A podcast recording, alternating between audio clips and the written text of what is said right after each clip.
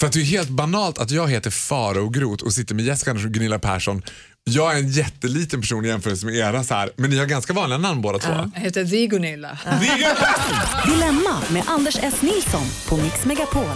Hej och välkommen till podcastversionen av Dilemma. Här i podden har vi en exklusiv inledning, VIP-hyllan, som inte hörs i radion där vi tänkte prata om ett personligt dilemma från panelen och efter det så fortsätter programmet som vanligt. Och lyssnar du på iTunes eller podcast då får du hemskt gärna prenumerera, prenumerera heter det, på den här podden och ge oss en recension.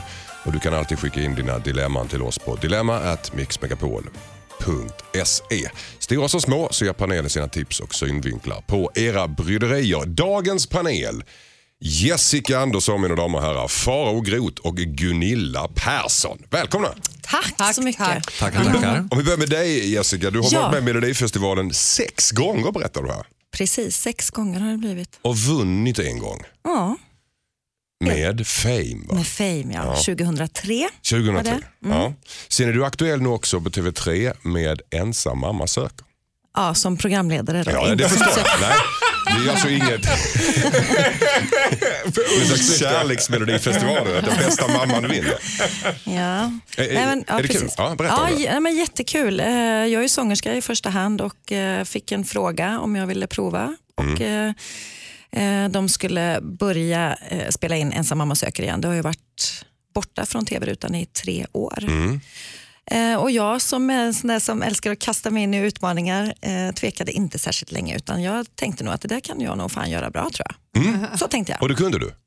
Ja, det, vi får se vad får se. tittarna säger. Men Men, vad- eh, Får jag fråga, vad var största chocken för dig? när man gör, så här, Vad var det du förväntade dig minst av det? det som eh, är mest naturligt för mig att stå framför en kamera och sjunga eh, upplever jag som väldigt naturligt efter så många år i branschen. Men att stå framför en kamera och prata, det var någonting helt annat. Är det lätt att glida över på sång? Ja, det så här, nu ska vi få träffa våra ensamma mammor. Så blev det. Ensam mamma söker the musical. Det var ju en helt ny grej för Ja. en programledare. Jag sjunger manuset. Nej, det gör jag inte. Nej, men eh, det gick ju bra till slut, men det var nog eh, det som var läskigast tror jag. Är det mycket kärlek i år? Jättemycket kärlek. Härligt. Ensam mamma söker, inte för dig Gunilla Persson? Tajma inte jag, jag, jag tror att jag, jag är over the hill. har jag Over inte? the hill? Nej. Vadå, vad menar du med Måste det? vara 20 eller 30 plus möjligen, men inte... Melodifestivalen då? Ja, det får jag vänta med min dotter, inte jag. Herregud. Du har ju personan, du har ju Ja, karisman. personen. och liksom. Jag kan klara programledarjobb, alla jobb framför kameran när det gäller att prata, men absolut inte sjunga. Glöm det.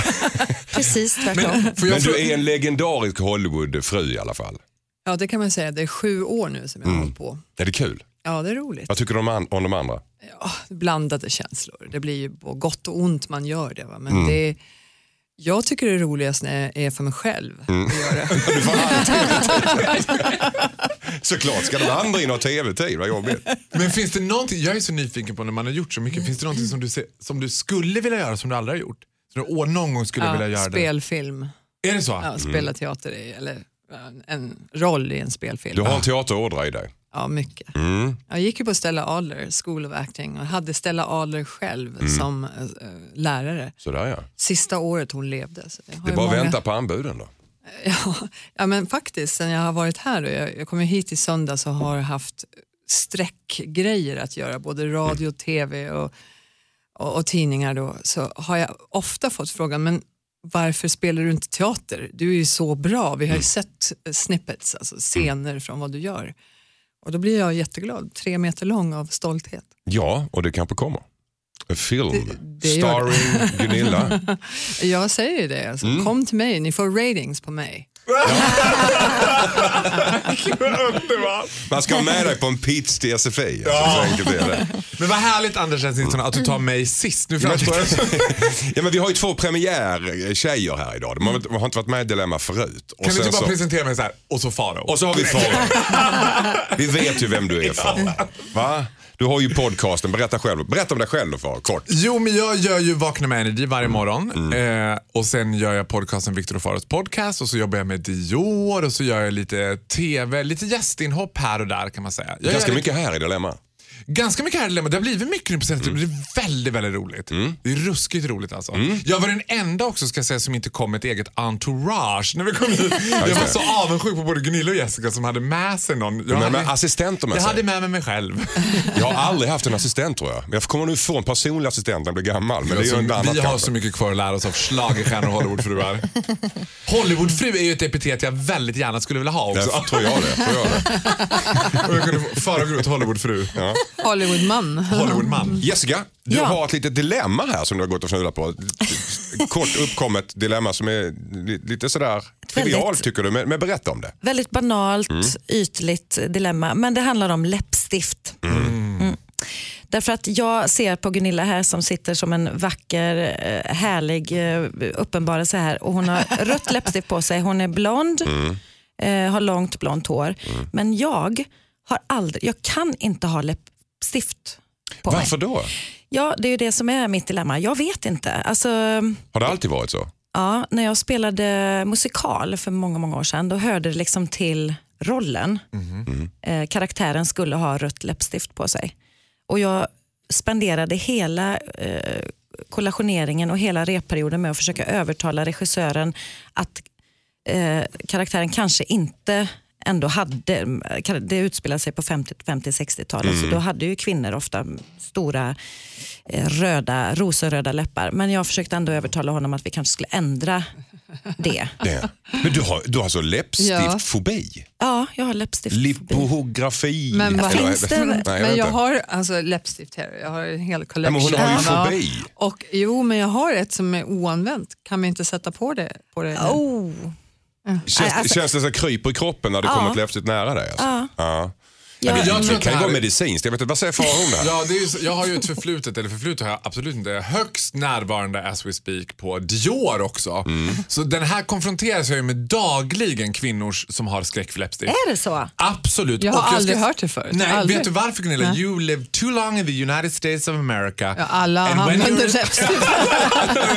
Nej, men på allvar så tror jag att det är en väldigt kulturell grej. Att man i Sverige är orolig att sticka ut och man är rädd för att så här, man säger att man passar inte i det men det handlar ju om ett självuttryck. Alltså, det här myten om att så här, vissa passar i vissa färger och bla bla bla. Det är inte sant. Alla passar i röda läppar. Är det så? Och röda läppar är en ac- accessoar, ungefär som att du köper en handväska. Mm. Och mitt tips till dig då skulle vara om du vill närma dig det här röda läppstiftet. Mm. Börja ha det hemma. Börja så här en tisdag, prova lite grann. ja. I tvättstugan kanske, liksom? Ja, kanske ta ett glas vin, prova det. Ja, men det bara Du gör det på fyllan först. Det första. Nej, Nej, men ta ett glas vin. Sen provar du och går ner till Konsum och köper lite mjölk. I'm wearing the red lips, du vet. Alltså- Sen bara tar du världen med storm. Med röda läppar. Det är jättebra Vet du råd. vad, det är, ja, jag blir så här svettig under armarna när jag bara tänker tanken att jag skulle gå till Då Konsum tänker du på i mig och Trollhättan. Gunilla, för vi kommer vara med dig hela vägen mentalt och l- bära dig fram. Gunni- The Gunilla. queen of red lips. Gunilla, kan du förstå hennes skräck för läppstift? Har du känt den känslan av den? Kan du förstå hur hon tänker? Äh, nej, jag, jag kan inte vara utan. Jo, det kan jag väl. Men alltså, jag känner mig inte klädd om jag inte har mitt läppstift på mig. Jag skulle inte kunna vara med på TV till exempel utan läppstiftet. Så Och det är precis skulle- tvärtom för mig. Ja, och jag eh, skulle inte kunna vara med på TV med läppstift. Nej. Men är Alltså inte det det- en kulturell grej, tänker jag mest också? Att det finns en så här... Men för henne känns det som att det är en personlig grej, en fobi helt enkelt. Är det inte så? Nej, men jag tycker bara att jag är ganska lång. Ja. Nästan 1,80 centimeter lång. Ja. Jag är 202 så att det ligger lite grann efter. Ja. Jag har ett jobb där jag ofta har höga klackar vilket innebär att jag oftast kanske är 1,85-86 lång när jag står på scen. Eh, Jag har långt blont hår, ofta mycket ögonsmink och sen när jag står på scenen eh, urringade, alltså, urringade klänningar, korta klänningar, nätstrumpbyxor, vad man nu har. Skulle jag då ha rött läppstift också? Ah. Det är, Det är inte det du too ska. much? Är du rädd för att Nej! sticka ut för mycket? Nej, det, det är inte too much. Det, det, är- it det goes with it. Det, det, det är en del av det hela. Nej, men vet du vad jag känner nu spontant? Det kom till mig som en kallelse här. Jessica Andersson ska sluta be om ursäkt för sin läppstift. Du ska bara, alltså, Jag äger inte ens ett Nej läppstift. men då är det dags. Gunilla har ett. Ja. Du kan prova det nu. Alltså, Ska vi, ut- ska jag gå och det? officiellt... Gör så här. Jessica, gå ut och sen köp vi ett ta- läppstift imorgon. Nej, men jag, det är bättre att jag ger henne. Du ger henne det efter sändning känner Ja. jag, för att det blir bättre då. Så, så får hon på något sätt... Ja, eller under låten. Kommer du dessutom Under- då kunna ja. säga till folk så här, ja, jag har fått ett läppstift av Gunilla Persson, det är bara för bra. Då kommer ingen ifrågasätta Eh, annan. då kommer jag att använda det också. Ja, Om jag får av Gunilla. jag, har inte, jag har andra, liksom, inte eldröda, mera, liksom, mera Men har du Äh, alltid Gunilla haft? brun, eh, orangea. Eller nå- jag har jättefina färger. Ja. Men började du med läppstift redan när du var ung, alltså i Ja. Högsjö? Om man tänker, Ja, jag började tidigt. Hur gammal var du när du gjorde läppstift, när du på läppstift första Kanske gången? tonåring, yngre tonåring. Mm, mm. Erika, hon är 15, hon använder läppstift när hon ska vara vacker och extra vacker. Eller så vidare. Hur, hur tycker du själv att du ser ut i huvudet så att säga? I huvudet. nej, men i, i din, Ut i huvudet. Här, jag har väldigt jetlaggat huvud just nu. I din inre bild, om Ganska du inte trög har, jag, jag, jag tänker så här Gunilla, om, alltså, i din inre bild, hur, hur, hur tycker du själv att du framstår utan läppstift? Du, du sa naken innan, men hur, hur ser du dig själv så säga, utan läppstift? Jag tycker jag är snyggare med läppstift Mm. utan. Men det är klart, jag är ju inte sån som alltid måste gå ut med makeup på mig. Många gånger så går jag ut helt osminkad. Så Mm. jag är inte rädd för att göra det. Men helst om jag ska vara på TV Mm. Eh, vill jag ju ha läppstift på mig. Klart. Okej, Ja. Jessica hur känns det? Känns det som att du har blivit behandlad av de här psykologerna? Någorlunda? Ja, men eh, ja, de är väldigt övertygande och jag känner att jag kanske måste prova ändå. Det men det är du- jobbigt på riktigt alltså. Och det är, Och jag fattar det. Och jag tänker så här, det hade inte varit ett dilemma om det inte någonstans djupt inne i det fanns en vilja att ha rött läppstift. Ja. Du är ändå sugen på det. Annars hade man bara, "Äh, jag spelar inte Ja. hockey, jag har inget Nej, men jag det tycker ju, som jag sa, att Gunilla ser fantastisk ut och jag tycker det är skitsnyggt med röda Ja. läppar på andra kvinnor. Men inte på mig Men själv. andra tycker det är skitsnyggt på dig kanske? Exakt. Det, Ja. Do it. Tack så jättemycket för att du delade med Ja, oss eh, av det detta. det lilla. Ni fortsätter programmet som vanligt. Här är ett brev från Helen. Hejsan Dilemmapanelen. Jag och min man bor i ett villaområde och det har flyttat in en ny granne bredvid oss. Han behövde en del hjälp som nyinflyttad, lånade lite grejer av oss och så vidare. Det var inget konstigt med det. Klart man ställer upp för nya grannen liksom. Men ett, efter ett par veckor så insåg vi att han var på oss varje dag. Det kändes ibland som om att han stod och väntade på oss tills vi kom ut.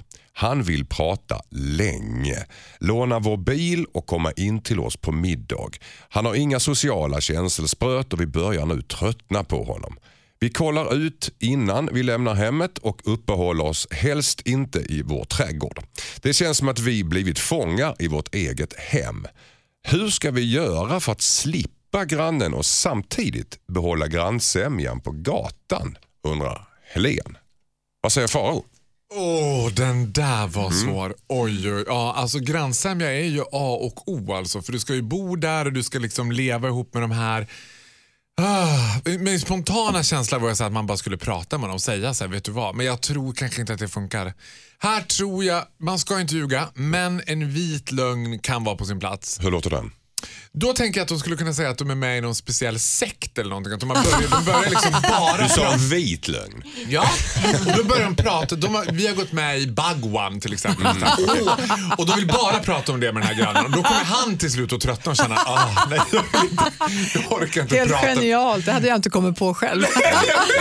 Blanda alltid religionen. Att de har blivit nyfrälsta på något sätt och vill Ja, och omvända grannen. Men Ja. gud vad kul att du kommer över Åke, för vi vill prata om Gud med dig eller vi vill prata om Bagwan eller något. Inte Gud, ta något konstigare. Någon, liksom indisk sekt. Vad, säger, Ja, det är så vad säger Gunilla genialiskt briljant så det är inte klokt. Vad hade du gjort Skaffa Gunilla? honom en hundvalp. Skaffa, Det är också smart. ska, skaffa Ja. grannen en, en Ja, hundvalp? skaffa honom ett djur så han har någon att leka med. Ja, just det. Så att hon är upptagen med hunden istället. Ja, Men tänker man allergisk eller man inte gillar husdjur då? jag skulle ju nog tala sanning. Du skulle- tror jag att jag skulle säga. Att Vad skulle du säga? Det här blir för mycket för vi kan inte umgås varje dag men du kan komma på söndag. Mm. Men inte resten av veckan. Tror Liksom. inte han blir putt då så att grannsämjan blir lite sådär? Det skulle inte jag bli. Nej. Nej. Nej. Vad säger Jessica? Nej, men jag är nog lite grann inne på Gunillas eh, linje. Mm, inte Bagwan och Farao. Vad var det för fel på det? Nej, men det, det är nästa steg känner jag. Men jag skulle nog också kanske vara rätt rak och säga, vet du vad, det här funkar inte för oss. Liksom. Eh, och om han eh, då inte köper det, Eh, då kanske man borde bli lite orolig liksom, och då kanske man får ju ringa polisen, inte vet jag. ja, men, Ringa polisen Nej, men om-. Nej, men om jag sitter och äter middag och en granne helt plötsligt, för det låter ju som när hon skriver som att ja, han kommer in på middag. Ja, det låter som han är helt hemfridsbrott. oinbjuden. Liksom. Om någon kom in när jag satt och åt middag, om han var granne eller inte, så hade jag ju blivit jätterädd. Men känns det, ja, det är klart att det blir man ju om det bara Ja. någon som slänger upp dörren och Ja, kommer in. Men precis. samtidigt vill hon, när Helene, eh, hon vill behålla grannsämjan. om Mm, fast du jag- ringer snuten så känns det som att den är ju- går Ja, förlorad. men jag sa att det är nästa steg. Jag tror ändå att första steget är att prata eh, på ett eh, pedagogiskt sätt med en man eller kvinna. Det, är, alltså, det är ju ett himla tufft dilemma. Jag är Mm. född och uppvuxen i Borlänge och där är det ju liksom en sån attityd att dörrarna står vidöppna, man springer mellan varandra och man är så här. Säger ni ifrån? Alltså sa. min mamma hade ju väldigt mycket integritet när jag var liten så där var ingen och sprang hemma hos oss riktigt. Men de sprang hos varann hela tiden. Mamma hade ju koll på vilka som sprang hos varann men hon var ju inte Mm. liksom... Så, jag, jag måste säga att jag tycker också Gunilla att det inte är en dum idé att köpa ett husdjur. Nej. Och är han allergisk Som så kan man köpa- enkelt. Ja, men ja, inte, det behöver inte vara en pik. Det kan ju vara ren och skär omtanke. Förmodligen så är han ju ensam. Mm, Och tycker om att ha någon att prata med och kanske inte har... Han Kan lever- prata med hunden. Ja, Ja. Mm. absolut. Det tror jag verkligen. En katt, en hund, en liten marsvin. Något, sånt, något som man kan Men. Gunilla, Gunilla tänker jag, hur, hur gör man i USA? Är man rak där om det är någon jobbig granne? Är grannsämja viktigt där? Skiljer det sig från Sverige? Menar? Nej, jag tror att det är viktigt med grannsämjan naturligtvis. Man ska ju gå förbi varandra. Mm. Och, och jag har ju flyttat in i ett nytt fantastiskt hus efter, efter branden. I, Just det. jag hörde kanske att mitt hus brann ner i april. Mm, hörde jag inte, nej. Men nu har jag eh, flyttat in med mamma och Erika och katterna i ett fantastiskt nytt hus med havsutsikt och stora trädgårdar och allting. Så var det en granne som kom och knackade på dörren och jag trodde att det var en sköterska till mamma. Så, jag stod, så jag stod där liksom i, pyjamasen, liksom, jättehemsk såg jag ut. Stod en jättesnygg kille där ute och sa hej, jag är grannen liksom, och jag kommer för att hälsa på dig. Och, och, och jag kunde inte släppa in honom som jag såg ut då. Och sen efter det så fick inte jag något tillfälle att gå och knacka på dörren på honom igen. Så nu måste han ju undra vem jag är som aldrig kommer att liksom, du har missat ett, hej. ett tillfälle här helt Nej, enkelt. men han Gunilla. bor ju bredvid mig men Ja. jag tror att han har undvikit mig för jag har aldrig mött honom igen på gatan eller Sörj- när jag ska gå ut och, och sätta mig i bilen. Eller något sånt. Sörjer du det lite? Jag liksom owe him a visit. Ja, det gör du. Mm. Åh, ta chansen. Fast jag, jag kan känna igen mig lite grann i Helen som skriver, för jag, jag har inte grannar som knackar på, men jag är en offentlig person. Mm. Och jag tror att jag kanske har gjort mig själv lite för ja, men tillgänglig för folk. Eller folk har en bild av mig som att jag är, så det kan ju knacka på dörren hemma hos mig. Mm. Eh, Jag har inga stora, alltså jag bor i ett vanligt villaområde i Trollhättan. Ehm, helt anspråkslöst och där kan jag ju knacka på folk ibland som eh, vill lämna över någon blomma eller, och jag, Av ren kärlek till dig bara. ja, och, f- eh, Gud jag, vad otäckt. Ja, Det är jag livrädd för. Ja, alltså. men det är det jag menar lite grann. Jag får lite så här kalla kårar när, för att jag tycker att jag själv borde bli bättre på att s- säga ifrån när det knackar på främmande människor på min dörr. Men, eh, men jag är dålig på det också. Men du tycker helt enkelt att säg ifrån eller skaffa husdjur eller gå med i Bagwan. Där har du de tre alternativen. Summera upp det bra där. Var du i huset när det brann? Nej, ni var Jo, bort. ja, det var jag som vaknade och ringde till Erika. Fan, vad läskigt, Erika alltså. sover med telefon för det gör ju eh, alla teenagers, det vet du. Ah. De har alltid telefon. Så att det var ju telefon som räddade oss, för vi sprang ut på baksidan där och där ringde hon 911. Men vad var det som orsakade branden? Det vet Det jag. var en explosion i grannens hus. Oj. Och grannen kan inte tala. Hon bara viskar fram sina ord, stackars människan. Hon är god vän till mig. Hon fick ingen såna som bes- lungskador förstår du, så hon kan inte Men, men andas. klarade sig alla? Alla klarade sig. Och alla klarade sig. Skicka in ditt dilemma till dilemma@mixmegapol.se. Programmet är programmet som gör radio great again. Det är Dilemma och du ska, kan skriva till mig på dilemmatmixmegapol.se. Nästa dilemma är från Vidar. Han skriver att han funderar på att inte vara med under förlossningen av hans första barn. Det är nej. Det är ju ganska fruktansvärt ju. Mm. Men han har, en, han har en väldigt bra ursäkt. Du återstår att Det se är en jävla bra match på TV. Nej då. Det är, det är, det är faktiskt en liten, så, ja, hur ska man gjort där? Hejsan Dilemmapanelen, heter Vida. Jag och mitt ex ska få barn om några månader. Hon vill att hennes nya kille ska vara med på förlossningen, vilket gör att jag inte vill vara med. Vårt uppbrott var inte det bästa, även om vi är vänner idag. Min tjej tycker att vi båda ska vara där alltså. Hon säger att han kommer vara en extra pappa till vårt barn och att hon behöver hans stöd under förlossningen. Jag vill ju självklart inte missa mitt första barns födsel men jag har sagt till min, tjej, till min tjej att jag inte tänker vara där om hennes nya kille är där. Hon försvarar sig med att hennes nya kille minsann inte har några problem med att vi båda är där. Så vad ska jag göra? Undrar Vidar. Vad säger Jessica? Den du. Den du. Komplicerat. Ja, jättekomplicerat. Men jag tänker nog... Eh, ja, Det är lite svårt om det hade varit tvärtom för det blir två mammor som... Ja. ja, precis. Nej, men en del av mig tänker så här att de eller att han får, att den här dagen när, när hans barn ska födas så handlar det inte så mycket om han eller den andra killen. Eh, då kanske de får lägga det åt sidan tänker jag och, och bara göra det. Men samtidigt så Lite kymigt va? jag förstår ju honom också. Det kanske är den nya killen som egentligen skulle backa lite i det läget kan jag kanske tycka. Det tycker kanske jag också. Och kanske till och med att mamman skulle förstå det. Ja, precis. Ja. Det kan ju inte ha gått så lång tid menar jag. Om han nu är pappa till barnet och de redan är ex med varandra och hon snart ska föda barn så kan hon ju inte kanske ha känt den här nya killen. Eller ja, det vet inte jag. Det kanske, ja. Jag vet inte. Jag känner... ja men eller Det är ju hur? ändå ex, så att var, de, var, de hade ju ett förhållande de två som ska ha barnet. Ja, och nio månader är ju en graviditet så att så lång tid har det inte gått tänker jag. Nej, rent matematiskt där så är det inte så jättedjupa Nej. eh, relationsstammar som har byggts. Vad säger far och Gud? Ja, Jag tycker det här är, som man säger på italienska, una sticky situation. Det här var väldigt... Una sticky situation. Una sticky situation. Det här var väldigt, väldigt komplicerat alltså. Jag... Åh, gud vad drygt. Alltså, på ena sidan så tänker jag att en kvinna har rätt till sin egen kropp och det är hon som ska föda barnet, det är hon som ska ligga där. Så hon har ju rätt att bestämma vilka som ska vara där och inte. Mannen har ju rätt till sin egen kropp man inte vill vara där. Jo, det har han ju. Men, men, fast jag, ja, om han inte vill vara där. Men då begår han ett stort misstag tror jag. För Ja, jag tror jag att just den där stunden också för honom vad det gäller anknytning och anknytning till barnet och sådär. Jag menar, relationer ser ut på massa olika sätt. Det finns ensamstående mödrar, det finns eh, sådana som delar på vården, det finns vad som helst. Men jag tror att anknytningen till barnet oavsett om pappan kommer finnas närvarande i hela barnets uppväxt eller inte är viktig i det där första skedet. Jag tror nog så här, nej vet du vad? Jag tror så här. Jag håller med Jessica. Det kan omöjligen ha gått längre än 9, 8, 9 månader med den här killen. Jag tror att han ska sätta sig ödmjukt ner liksom med tjejen, förklara situationen, säga så här, så här känner jag. Och jag hajar att du vill att han är med.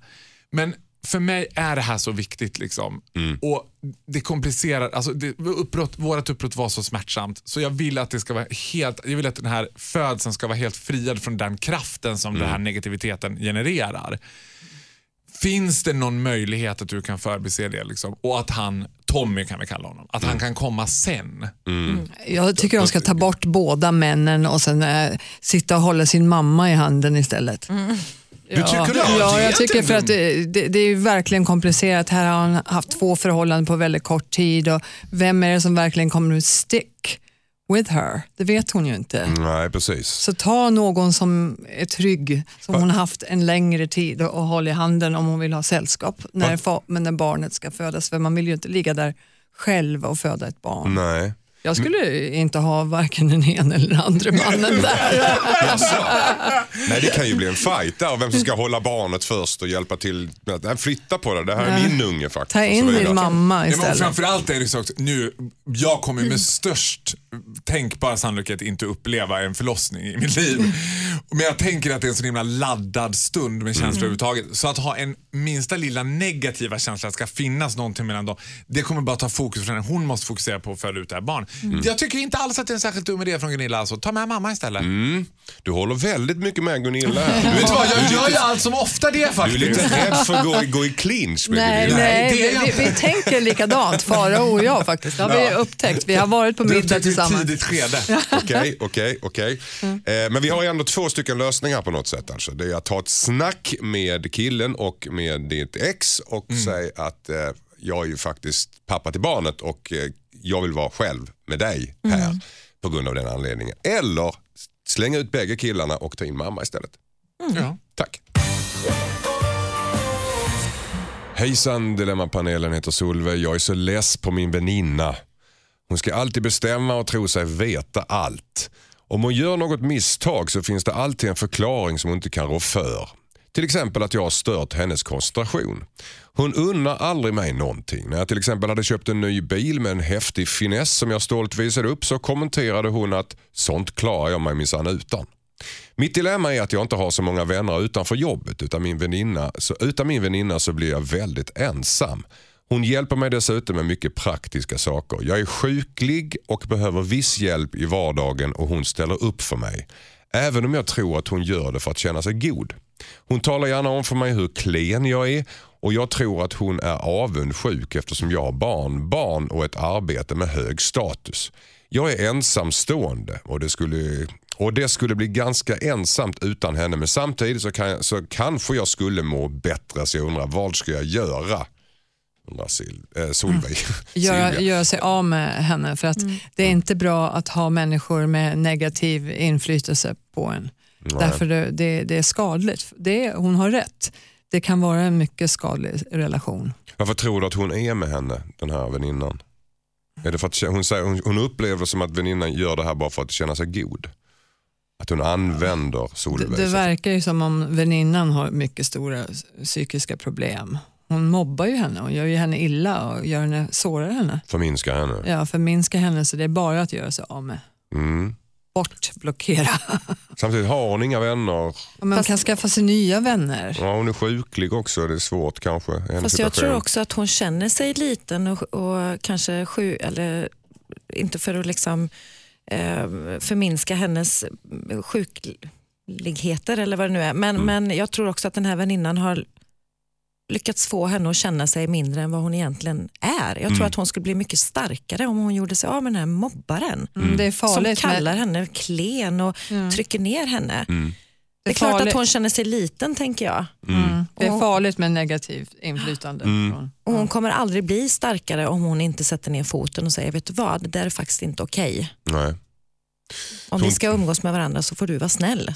Hennes rädsla för att förlora henne är egentligen en produkt av att hon har umgått så mycket med henne. Det tror jag. Ja. Säger Jag tror inte att det är en rädsla för förloraren. Jag tänker på det här, nu, det finns ett jättefint ord för det här och jag vet inte ordet men jag ska förklara. Det finns ett fenomen när mammor gör sina barn sjuka. Att de proppar i dem tabletter om, omedvetet eller medvetet men som ett sätt att göra sig behövda. Liksom. Att, det- Förstår ni vad jag pratar om? Absolut. beteende då. Ja. Och lite samma sak känns det med den här vännen. Jag tror att det är ganska vanligt också att den här vännen är nog också ganska ensam. De har bara varandra men de när och förtär varandra med samma kraft. Ja, det är bra. Att de också talar om för varandra att nu leker vi att jag och Jessica var jä- jättenära vänner. Och jag skulle tala om för Jessica att om inte jag fanns då hade du ingen annan. Liksom. För att jag tycker så mycket om dig Jessica men du är helt oduglig att ha att göra med. Liksom. Och till slut skulle Jessica tycka det och så skulle hon tycka att jag tycker Farao är så jobbig men jag har ingen annan honom. Och så är det där hjulet igång. Och jag tror samma sak här. Tyvärr så tror jag att den där relationen kan få ny glöd om det, det, Solveig får nya perspektiv. Och skaffa sig nya vänner, that is a piece of cake. Hon verkar vara senior, hon kan gå ut, hon kan börja spela bridge, hon kan göra, göra en aktivitet utan din väninna, du träffar helt nya människor. Hon har någon sorts sjukdom, då finns det folk på sjukhuset i samma situation. Kan hon träffa någon där i någon grupp? Du vet. Träffa någon, och då tror jag att hon och kan hitta tillbaka till varandra och få andra perspektiv. Men jag tror att det är viktigt att get rid of the bad energy för båda skull. För det blir lite ett medberoende det här. Ja, Blir det inte det? de när och förtär varandra skulle jag säga. Väninnan har huggtänderna som passar i hennes sår. Åh, du är en man av så mycket visdom, Anders S. Nilsson. Ja, snotten. Ja. Eh, Men någonting åt det hållet kanske. Ja, gör dig av med väninnan. Och gör det fort. Hon förminskar det och gör det fort. Ja. Tack så mycket. Hejsan Dilemmapanelen, jag heter Mina. Min man har blivit besatt av extra priser. Så fort det är ett bra extra pris på något så köper han en årsförbrukning. han menar på att vi sparar pengar och han har kanske rätt. Men priset som våra smaklökar får betala är inte värt det. Han har till exempel köpt ett stort parti makrill i tomatsås och nu har vi ätit några olika maträtter som innehåller makrill varje dag den senaste månaden. Det hela började med att vi kom överens med att vi skulle spara pengar för att köpa ett större boende för några månader sedan. Han sa att han skulle ta hand om matinköpen eh, och har gått all in med årsbudget och planerad ranson för en lång tid framöver. Jag har släppt lös en kraft som inte går att kontrollera. När jag tar upp det här så är han snabb med att argumentera om fördelarna. Vi sparar ju pengar, men jag lider. Har ni några tips på hur jag kan ta mig ur den här ska vi säga, makrillhålet? Vad säger Ja. Gunilla Persson? Nej, jag tycker att eh, han måste ju förstå att det går inte att spara pengar på det viset. Man får inte lida under tiden på att man äter makrill varje dag. Det är jättekonstigt. Nej, och makrill som är så gott någon gång då och då. Ja. Men varje dag, då blir det ju ja, det blir ett stigma på det. Det Vad finns ju andra sätt att eh, spara pengar på. Ja, eller jag tycker man kan anamma 5-2-dieten. Typ. Att man har så här, vi sparar pengar fem Makrill dagar. fem dagar i veckan och sen... Inte behöver inte just vara makrill, men han kan köra sin sparpengar-diet fem dagar i veckan. Och så två dagar, har vi två dagar när vi lever i totalitärt överflöd. Typ. Eller då kan vi äta ute, då unnar vi oss. För nu verkar det som att han är väldigt svart eller vitt. Alltså, antingen ska vi bara leva på ruinens brant eller så ska vi äta vad vi vill. Och då tycker jag så här, kan de inte komma överens om två dagar i veckan? Att lördagar, då är det faktiskt ingen ransonering. Då får vi äta och, och, och njuta av både varann och livet och god mat. Men på måndagar, då kan vi ju äta makrill. Jessica, vad säger du? Ja, ja, jag tycker också kanske att det Ska de äta makrill fem dagar i veckan? Och, Ja, Jag inte det. Alltså, det är det är nästan där de är. alltså. Ja, jag tänker väl att, eh, som Gunilla säger, att det finns andra sätt att spara pengar på. Mm. Än, eh, Som till exempel? Ja, öppna ett sparkonto, sätt in, äh, inte, inte vet jag men... ehm, Maten är ju ett stort... Jag älskar den där lösningen. Man alltid tror att jag bara öppnar ett sparkonto. Nej, men så enkelt är det kanske inte. Men jag kan ju, och det gör väl säkert hon också, uppskattar alltså, tanken bakom. Mm. Men jag tror kanske att hon får sätta sig ner och prata med honom och så får de hitta gemensamt andra... Nu har de kört det här ett tag känns det som. Och För jag hon tänker- är inte riktigt nöjd va? Vad Så är, att, vad, är, eh, vad är det här för man då? Ja, men jag Man tänker undrar också man så här, ja, dels det, men sen tänker jag också så här, livet händer ju här och nu. Ja. Det pågår ju här och nu. Så ska de sitta liksom och äta makrill och sen bara, vad hände med livet? Jo, det pågick medan vi åt makrill. Alltså, de, måste ju så här, de, de missar ju att leva. Alltså, det, är faktiskt så här, det är som att jag rekommenderar alla att dricka champagne på tisdagar till exempel. För den här vansinniga svenska besattheten av champagne, champagne smakar aldrig så äckligt som på nyårsafton. Utan man ska dricka en vanlig tisdag när man sitter hemma och nej men nu tar jag mig ett glas champagne. Absolut. Alltså sådana där saker. Man måste våga, de måste våga leva och det är den ingången hon ska ha till sin man och säga så här, Käka makrill på helgerna kanske? Och Ja, sen eller så- hon ska säga till sin man så här, vet du vad, vi missar att leva nu. Vi Mm. spar pengar, men livet det pågår medan vi spar pengar. Men allting handlar ju inte bara om att spara. Varför kan inte mannen gå ut och ta några extra jobb och göra någonting extra så han tjänar mer pengar istället? Exakt! Ta ett Det är inte extra jobb idé. istället för att käka Öppna en makrill. loppis. Precis. Ta med dig makrillen till jobbet till, till, till mat som Börja matlåda. sälja makrill. Börja sälja makrill Ja. på torget. Ja, men gud, vet du Här var vad? det makrill, här var det Alltså, makrill. det där är ju briljant. Varför hela tiden fokusera på att spara pengar när man borde fokusera på att tjäna pengar Tjäna istället? pengar, tjäna Ja. mera. Istället för att spara, tjäna mer. Det låter som en politisk slogan. Moderaterna. En tidsfråga när jag och Gunilla tar och öppnar ett parti. Det är dags att börja tjäna pengar. Mina, inte spara. Tack så mycket. Hejsan Dilemmapanelen, jag heter Ellen. Min kille gör en sak som jag tycker är väldigt pinsamt. Han ska alltid räkna på sista kronan när vi är ute och äter tillsammans med vänner. När notan kommer in åker hans mobil upp och så sitter han och räknar och dividerar för att det ska bli rättvist in på sista kronan. Han är väldigt ekonomisk av sig i andra fall också, vilket jag inte bryr mig om. Men just när han drar upp miniräknaren på krogen, ja då skäms jag. För min del så gör det inte så mycket om jag betalar lite mer än de andra vid bordet. Men min, men min kille skulle ha ångest över det lång tid efteråt. Vi har tjafsat om det här och han säger att jag måste tillåta honom att vara som han är. Jag har frågat om han kan räkna i smyg men då tycker han att jag är löjlig. Vad ska jag göra undrar Ellen. Vad säger Gunilla Persson? Alltså, jag, jag, tål inte snåljåpar. Det är det värsta jag vet. Alltså, ogenerösa människor. Usch. Och ogenerösa män. Ja, Speciellt män, för män betalar ju alltid alla noter. Du, hör, du, hör du det här Sverige? Everybody comes to Hollywood. nej, men det, det där skulle jag aldrig tolerera. Jag skulle inte tåla det. Han måste ändra sig eller också blir det bye bye. Mm. För det här vittnar om någonting annat, djupare, traumatiskt i hans personlighet eller? Han kanske bara är plain snål och det här är någonting, girig verkar han vara. Mm. Girig Och och, det är- anal. Ja.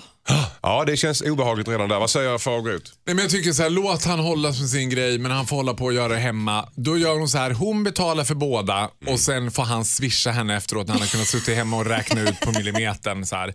Hon säger, vet du vad älskling, vi löser det här hemma sen. Jag, tar, jag betalar för oss båda två. Och då, när han, hon får betala för båda, då kommer han att känna skam. Och det ska han ha. Mm. Tror du inte innan då, när de gör upp det här innan då, att det kommer bli samma visa att han sitter där med kronan när de ska swisha innan de går på restaurang? Så Nej, men vet du vad? Nej, nej, nej, inte innan. Det gör han ju efteråt. Och hemma i hemmet så här, för hon skäms ju inte över att han gör det. Hon skäms ju över att han gör det så folk ser det. Ja, det. Så då kan han ju sitta i timmatal och räkna på decimaler om han vill göra det. Kan du inte hitta någon bättre kille? Enkel lösning. Men han kan, hon, kanske, hon kanske älskar honom. Han kanske inte bara snål, han kanske är fantastisk på andra områden. Vet man inte. Ja, du får väl ge honom en chans att han ändrar sig, men han måste ändra sig. Han måste hälsa. Vad säger Jessica? Nej, men jag håller med Gunilla, snåla människor är typ det värsta jag vet. Och Jag tänker också att det måste bli jävligt tråkigt att hålla på och räkna pengar hela tiden. Men Faraos eh, eh, förslag om att hon betalar och han får swisha sen, det var ju briljant. Genialt Farao. Det var inte jag som sa det. Har, har, ni, har ni varit tillsammans på någon snåljobb någon gång? Oh ja. Oh, ja. Ja. Hur, hur tedde det sig Gunilla? Ja, han Betalar såg ju han? aldrig mig mera. Nej. Kan, du, kan du ta vad det var som, vad det var, som var sista döds... Kiss of death så att säga. Ja, men jag satt på en restaurang med en snåljåp och sen fick jag se Michael Douglas sitta där bredvid, eh, några bord bredvid med sin son. Och jag kände Michael Douglas bror i Monte Carlo, för jag bodde delvis i Monte Carlo. Så jag ursäktade mig och sen gick jag fram till Michael Douglas och sa jag känner din bror. Och då sa han så här, oh, vill du, you wanna sit down with us? Och Så, Så du jag bara bytte bord totalt helt enkelt? Du verkligen dumpade lämnade honom. Du dumpade honom Dumpa på honom. restaurangen? Ja, ja. Men var det för att han var snål eller var det för att Michael Douglas satt där Nej, borta? både och. Vilket kom du fram till först? Var, var det en efterkonstruktion att han var snål? Eller Nej, upptäckte du att han var jag- snål? jag- och sen jag- såg du Michael Jag Douglas? såg det för han satt och tittade på vad allting kostade. Okej. Betalar du aldrig på krogen när du går ut med en man? Nej. Jo, alltså om jag skulle gå ut med Farao. och jag- och Ja, han- men Gunilla, och jag han, bjöd nej, nej, nej, nej, jag vet, men om han, han har ju bjudit mig så många gånger. Så jag vill ju då betala för honom. Det är Men om helt du- om du okej. är ute på en dejt Men om jag är så? på en dejt, aldrig, aldrig. Jessica, betala. hur låter det i dina öron? Eh, nej, men jag är kanske lite mer... Eh, eh, jag tycker man kan... Det kan vara lite olika. Jag, kan, jag betalar gärna för, för, för min man när vi är ute och äter middag ibland. Men vi har ju också eh, gemensam ekonomi. Och, alltså, Ja, det är lite. Det blir, helt, det blir helt annorlunda när man är i en relation. Ja. Men tänk dig själv att gå ut med en kille och dejta honom första gångerna och, och du får sitta och betala hälften. Sen- Fast, sen fast jag- eh, när jag träffade Johan då, de- första gångerna vi var ute så betalade han nog och var den här gentlemannen som jag Gillade tycker. du det? Ja men absolut, men jag Mm. fick också, jag är också sån som jag kan få, så- nej men åh nu har han betalat jättemycket. Så tredje gången vi gick ut, typ, jag minns inte riktigt hur det var, men så kände jag nu, nu betalar jag. För det känns eh, naturligt för mig att man... Vad gick ni då McDonalds? Eller? Ja, precis. Nej, max faktiskt. det. Jag jag, älskling. Får du ta Sara, tipsen? du brukar alltid hålla med Gunilla Persson. Älskling, idag med? betalar jag. Nej, men, ja, jag håller ju med Gunilla Persson det här eh, vad heter det, Dumpa avseendet. Till, alltså, till en viss del av med henne. Sen tycker jag så här, och det här kan ju låta väldigt vidlyftigt med att säga att pengar har inget värde, men på något sätt så tycker jag att vad det gäller socialt umgänge eller vad det gäller att njuta av varandra och så här, så spelar det väl ingen roll om jag betalar. Alltså, så här, du vet, där tycker jag att så här, det där jämnar alltid ut sig. Precis. För mig, jag har svårt också för det här när folk, att- jag tycker det är nästan ännu värre den här svenska att folk inte kan bli bjudna. Att de ska bara, nej jag vill inte, då, då, då delar vi upp det här, då, jag vill inte att du betalar. Nej men för mig är det så här, liksom, jag tänker att den Alltså så här, om jag och Gunilla var ute och åt till exempel. Den vä- kvällen som vi hade tillsammans, den har ju inget ekonomiskt värde. Den har mycket högre affektionsvärde och känslomässigt värde. It's worth all the money in the world. Okej. Så då är det klart att man... Men sen tycker jag snålhet generellt, det är oerhört osexigt. Okej. Dumpa honom tycker Gunilla. Ja, jag eh, håller gör med upp då. det där. Farao ändrar sig direkt. Eh, Jessica tycker väl att ni kan väl faktiskt göra upp där hemma innan och sen så betalar du. Eller du betalar för bägge och sen gör du upp när du kommer hem. Precis. Tack så Det var ju min idé från början. Ja. Ja, men du får ju hålla Jag till din tes. Vindflöjel. Hejsan Dilemmapanelen. Min syster har nyligen blivit rullstolsburen. Det är såklart en stor sorg för alla men vi har hjälpts åt. Jag har åkt hem till henne flera dagar i veckan och hjälpt till med vardagssysslor som att tvätta och städa. Min syster har kämpat med sjukgymnastik för att kunna ta sig in och ut ur rullstolen själv. Det har gått nästan åtta månader sedan hon hamnade i rullstol och hon har gjort en del framsteg men hon har ingen ork. Även om hon numera kan ta sig runt i hemmet så lämnar hon sällan sängen. Hon ligger mest hela dagarna och tittar på tv-serier och surfar på sociala medier. Hon kan gå på toaletten men hon väljer ändå att använda ett bäcken att kissa i. Det känns som att hon inte försöker. Jag, försö- jag förstår att det är tufft för henne psykiskt med hela omställningen. Hon går i terapi men jag är rädd att jag kanske gör det möjligt för henne att bara ligga stilla. Borde jag ställa krav på henne? Eller ska jag fortsätta att hjälpa till med allt? Undrar Berit. Vad säger uh, Faro? Kära värld. Det är en syrra och det har gått åtta månader. Ja, nej, jag tycker att det här är enkelt. Alltså så här, I en sån situation, när det gäller alltså, sjukdoms eller någon eh, äldre eller vad det än handlar om nursing, då ska man faktiskt bara ge.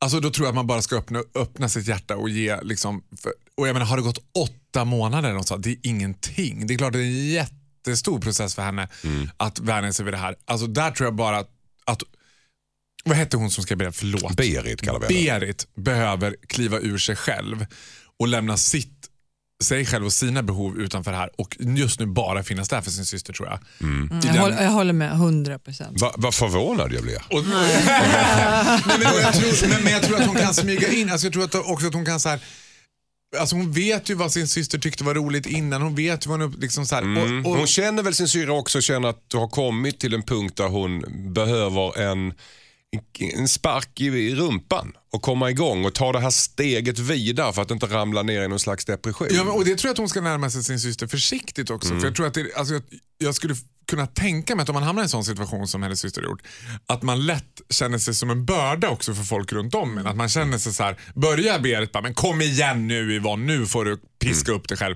Då tror jag att Yvonne går ännu djupare ner. Vad säger Gunilla? Ja, jag håller med dig. Jag tar ju hand om min 91-åriga dementa mamma och har gjort det i sju år och jag vet att eh, det kan vara en, en stor uppoffring, en självuppoffring men jag ser det inte som så. Nej. Utan jag älskar min mamma och Berit hoppas jag älskar sin syster. Och det är som Farao säger, bara ge, ge, ge.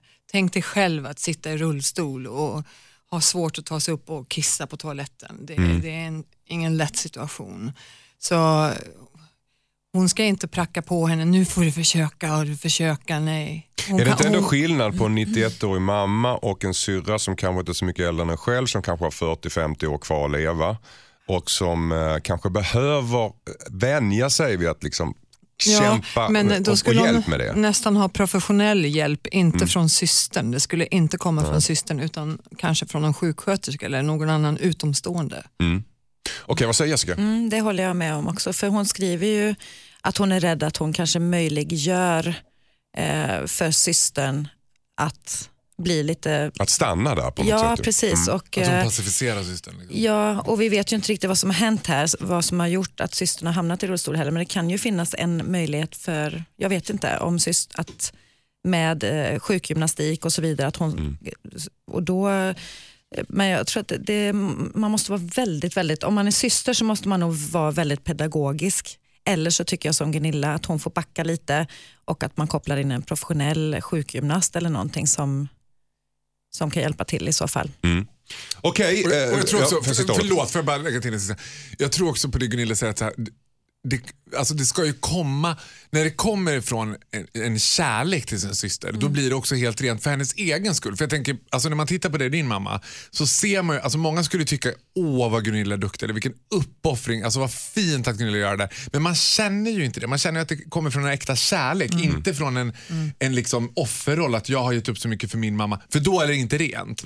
Alltså då, det är ingen bra kraft, utan det där gör man ju för att du älskar din mamma Ja. och hon älskar sin syster. Tack så mycket.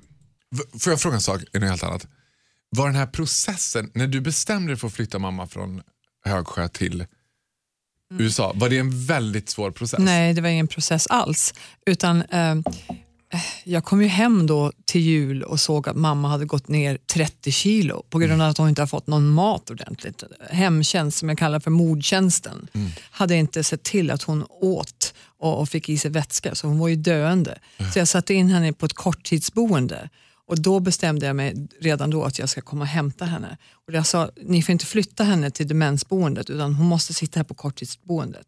Så ringde jag till sköterskan varje dag och en dag så ringde jag och så sa, hur mår mamma? Och då sa hon så jag kan inte ljuga för dig. Och då sa jag, vad menar du? Vad har det hänt? Är hon död? Nej, men hon är inte hos oss längre, hon är på demensboendet. Nästa dag satt jag på ett plan till eh, Stockholm och tog ut mamma på hennes 85 födelsedag.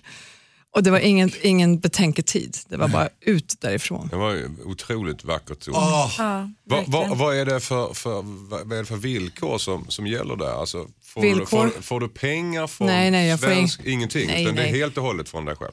Ja, det, nej, vem skulle jag få pengar ifrån? Nej, men jag tänkte om pensionärer som flyttar ut för behåll får sin pension. Ja, hon får ju sin pension Ja. men hon har kvar sin bostad i Högsjö fortfarande.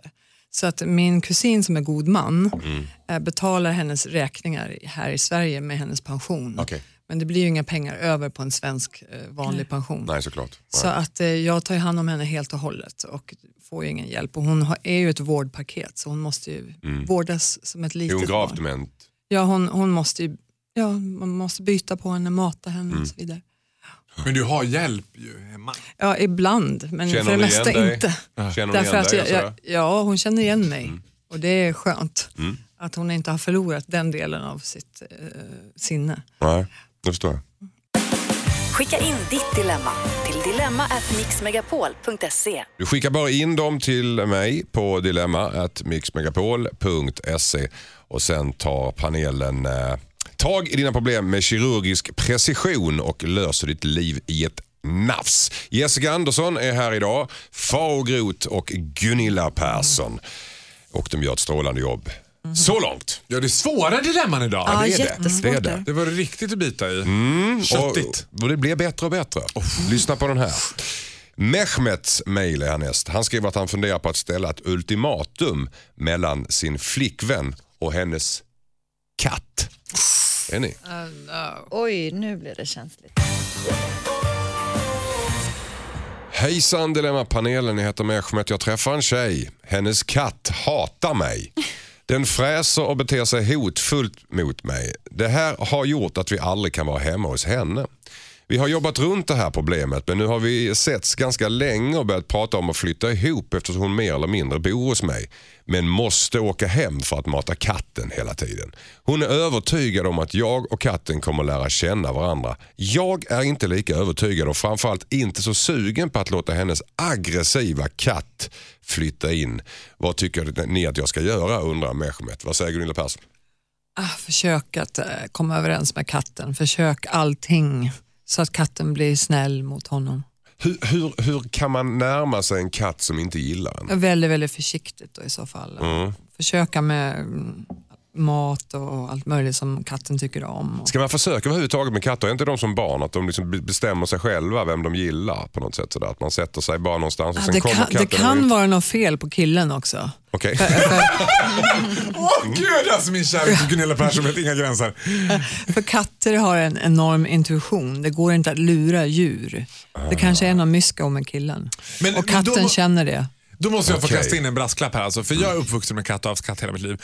Och Vi skaffade en katt då, som var gravt homofob. Alltså, den tålde inte mig. Det gillar alla i familjen. Men den, då det gick inte. Den var helt liksom... Du? Ja, den attackerade och den var liksom låg och lurpassade vid sängen och det var liksom... Ojar du? Nej. Du som är så snäll. Tror du att Ja. det hade med din sexuella läggning Ja, jag är övertygad om det. Jag har alltid kränkt homosexuella. Du, blir- du vill bli kränkt direkt. Ja, jag blev kränkt. Den ormen blev jag kränkt av katten. Nej, men sen, försökte du bli vän med katten?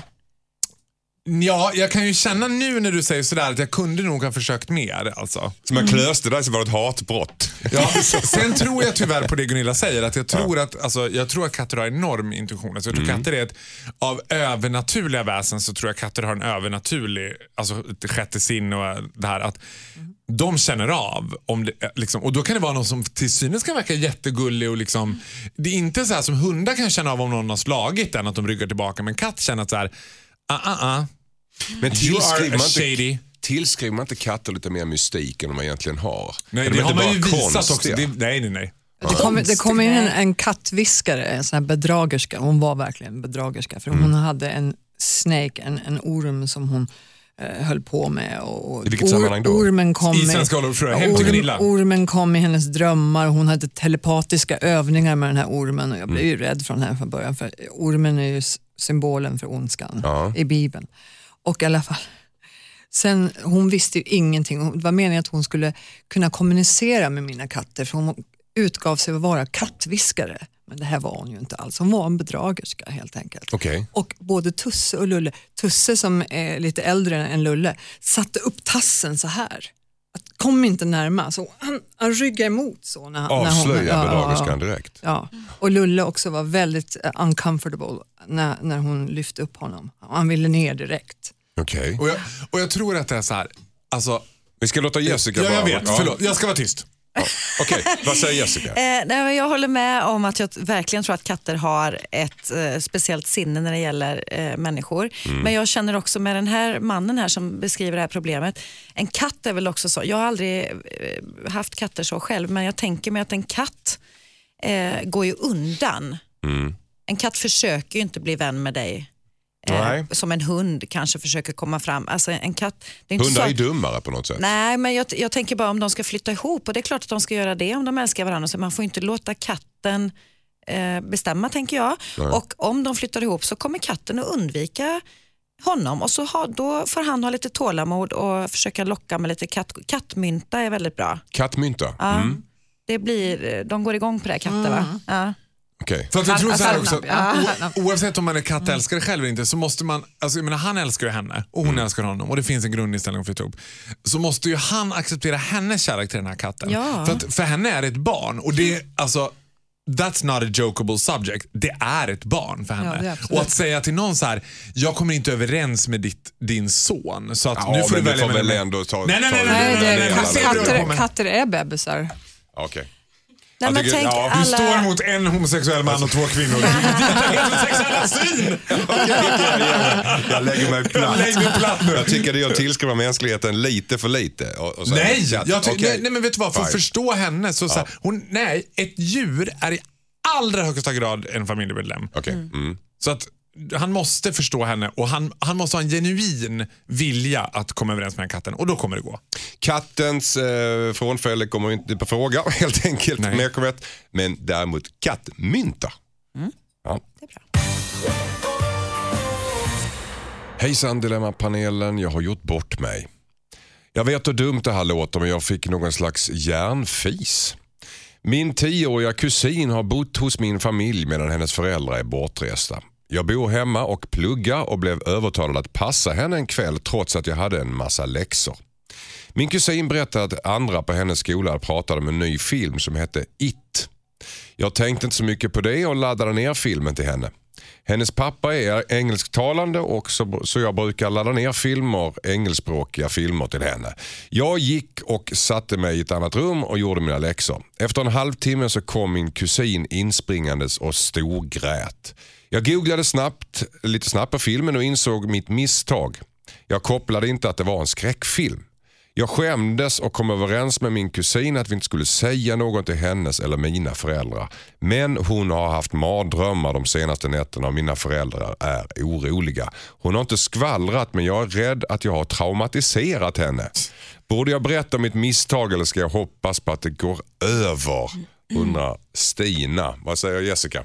Jag tycker att hon ska berätta. Alltså det känns ju verkligen som att det var ett ärligt misstag.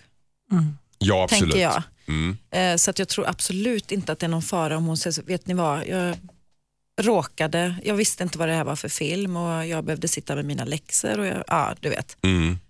Ehm, så, att de kan, så att föräldrarna kan prata med den här flickan och förklara. ehm, Och It är ju den här clownfilmen Ja, med, med Bill jag- Skarsgård. Den är ju lite läskig för barn kan jag tänka mig. ja men läskig för, För vuxna barn? också. Den är väl fruktansvärd Ja, för den är- vuxna också? Nej, det är det den inte är. Jo, det den är en, otäck. Det är en barnfilm. Nej, nej, nej. Jo, jag, jag såg det bara som en barnfilm. Nej men det är, Nej. den är ju, det är väl, Ja, det är väldigt, det är en 15-årsgräns på den Det är en ändå. blodig barnfilm. Så, så är Men det. skojar du på mig nu? Nej, jag blir inte ett dugg skraj. Nej men Det- du är ju, vad är, hur gammal är du då? Det behöver inte gå in på.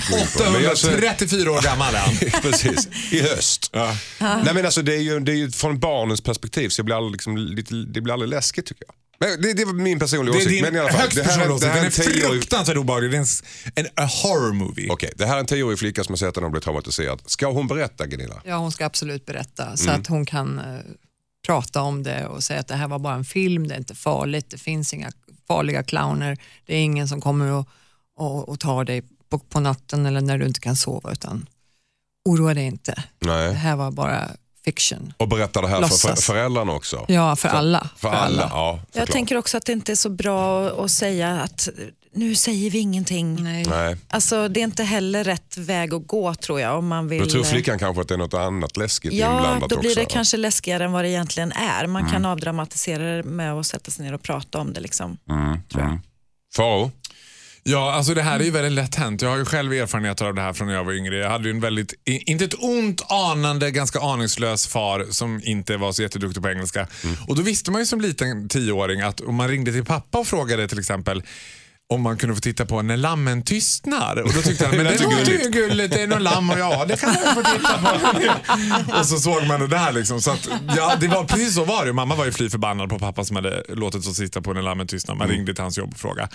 Och då tycker jag så här, så här, det blir oerhört märkligt om det kommer fram att hon har fått se det. Och de har också, och så fort man börjar säga till barn, oavsett vad det är, men så fort vuxna börjar ha hemligheter med barn, that is not a good thing. Okej. Ja. Vuxna, de enda barn ska ha hemligheter med det är möjligen sina föräldrar. Men när andra vuxna säger, det här, vi säger inte det här till dina föräldrar. Det här är till alla barn som lyssnar nu. Så fort det är en annan vuxen än din förälder säger, det här berättar vi inte för mamma och pappa. You tell your parents. Okej. Då berättar man för sina föräldrar direkt.